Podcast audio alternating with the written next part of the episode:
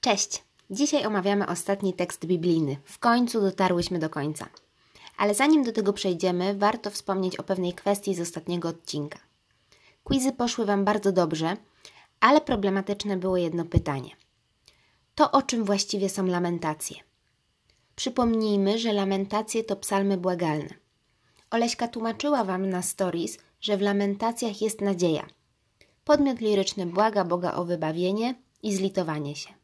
Także jest nadzieja. Nie jest to psalm rozpaczy, którego zresztą i tak oficjalnie nie wyróżniamy. Marta mówiła o końcu. Co Wam kojarzy się z końcem? Zrobię teraz kilka sekund dramatycznej pauzy, żebyście mogli się zastanowić. Mnie z końcem w wersji najbardziej okrutnej, hardkorowej kojarzy się apokalipsa. I to o niej właśnie dzisiaj porozmawiamy. Apokalipsa świętego Jana to jedyna księga prorocza Nowego Testamentu, która opisuje zagładę świata, powstanie nowego świata i sąd ostateczny. Pamiętajcie, że to Nowy Testament. Do tej pory wszystkie teksty, które omawiałyśmy, były ze Starego Testamentu. Chociaż faktycznie w objawieniu świętego Jana jest mnóstwo odwołań do Starego Testamentu. W Apokalipsie znajdziemy wizję końca świata, która ma dla chrześcijan znaczenie zamykające i dopełniające przekaz całego Pisma Świętego. Słowo apokalipsa oznaczało pierwotnie objawienie. Apokalipsa jako gatunek literacki to utwór opisujący czasy ostateczne. Mówi o największych tajemnicach przeznaczenia świata i losów ludzkości, zazwyczaj w sposób symboliczny. Spoiler alert, symboli tutaj będziemy mieć naprawdę bardzo wiele. Wiecie, że dzisiaj słowo apokalipsa stało się również nazwą pospolitą, odnoszoną do wszelkich katastroficznych wizji czy wydarzeń. Zacznijmy od kompozycji. Utwór rozpoczyna się od prologu, w którym święty Jan zapowiada, że przedstawi ludziom to, co objawił mu Jezus. Później przedstawia pierwszą wstępną wizję, w której Chrystus ma zwracać się do każdego z siedmiu kościołów w Azji Mniejszej. Tutaj pojawia się już siódemka, o której będziemy za chwilę mówić, jako o symbolicznej liczbie. I uwaga, mała dygresja. Może zastanawiacie się, skąd się tutaj nagle wzięła Azja Mniejsza. A właśnie stąd, że powstanie tego utworu datuje się na ostatnie lata I wieku lub okres prześladowań chrześcijan właśnie w Azji Mniejszej. Jest to gdzieś po roku 68. Wracając do wątku. Następnie ma miejsce właściwa wizja prorocza. W epilogu na sam koniec Jezus wyjaśnia, w jakim celu zesłał Janowi tę wizję. Zapowiada też swoje powtórne przyjście na ziemię, czyli ponowne objawienie. Nazywamy to paruzją. Jeszcze raz do zapamiętania. Ponowne przyjście Chrystusa na ziemię to paruzja. Dobrze, wiemy jak wygląda kompozycja. Czas wgryźć się do środka. Jan we właściwej wizji proroczej opowiada o tym, że wstąpił do nieba i trafił przed oblicze Boga. Bóg siedział na tronie i trzymał w ręce księgę zapieczętowaną siedmioma pieczęciami. Stwórca przekazał tę księgę barankowi. Zapytacie, dlaczego właśnie barankowi? Otóż dlatego, że miał być jedyną istotą godną złamać te pieczęcie. Baranek zaczyna łamać pieczęcie.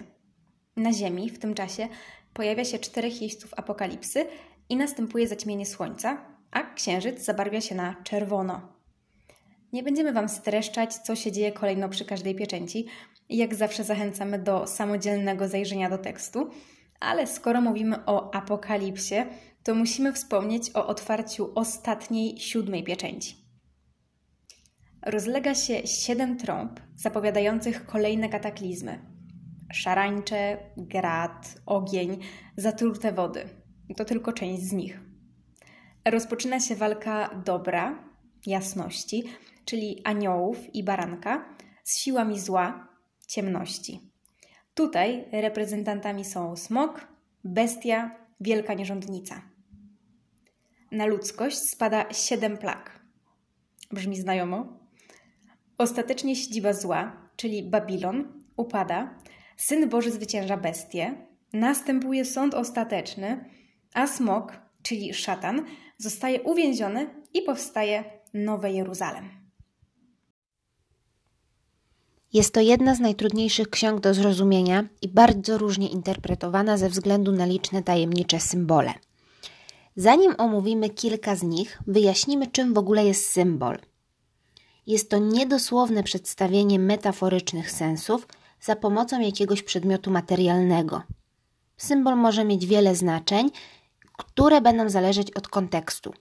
Na przykład róża. Róża może być symbolem miłości nieszczęśliwej ze względu na swoje kolce, ale ze względu na kolor czerwony może być też symbolem miłości szczęśliwej, czyli ten kontekst, w którym symbol jest osadzony, jest niesamowicie ważny.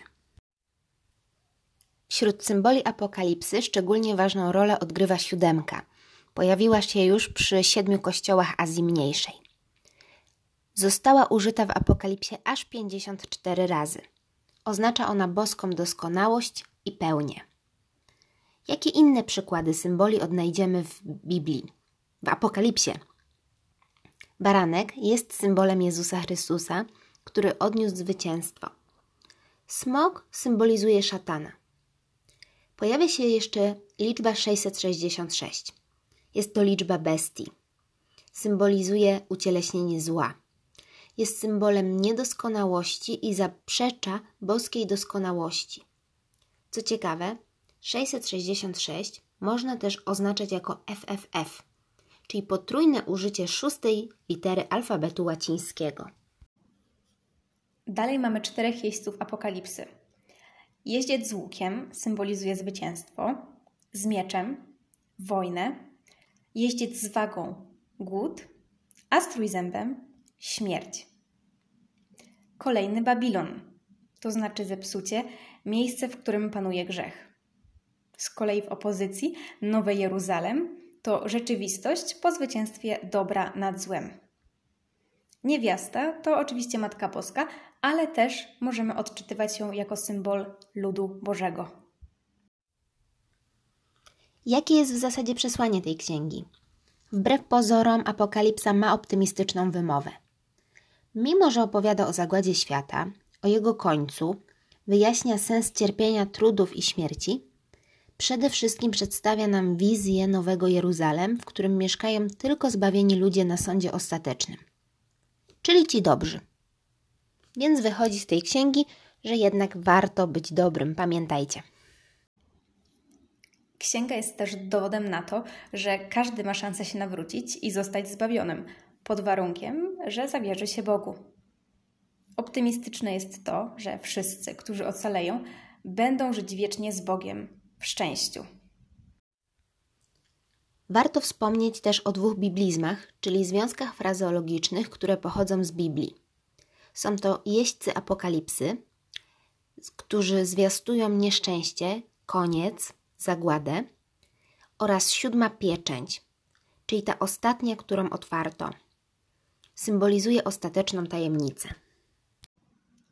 Motyw apokalipsy chętnie wykorzystywany jest przez malarzy.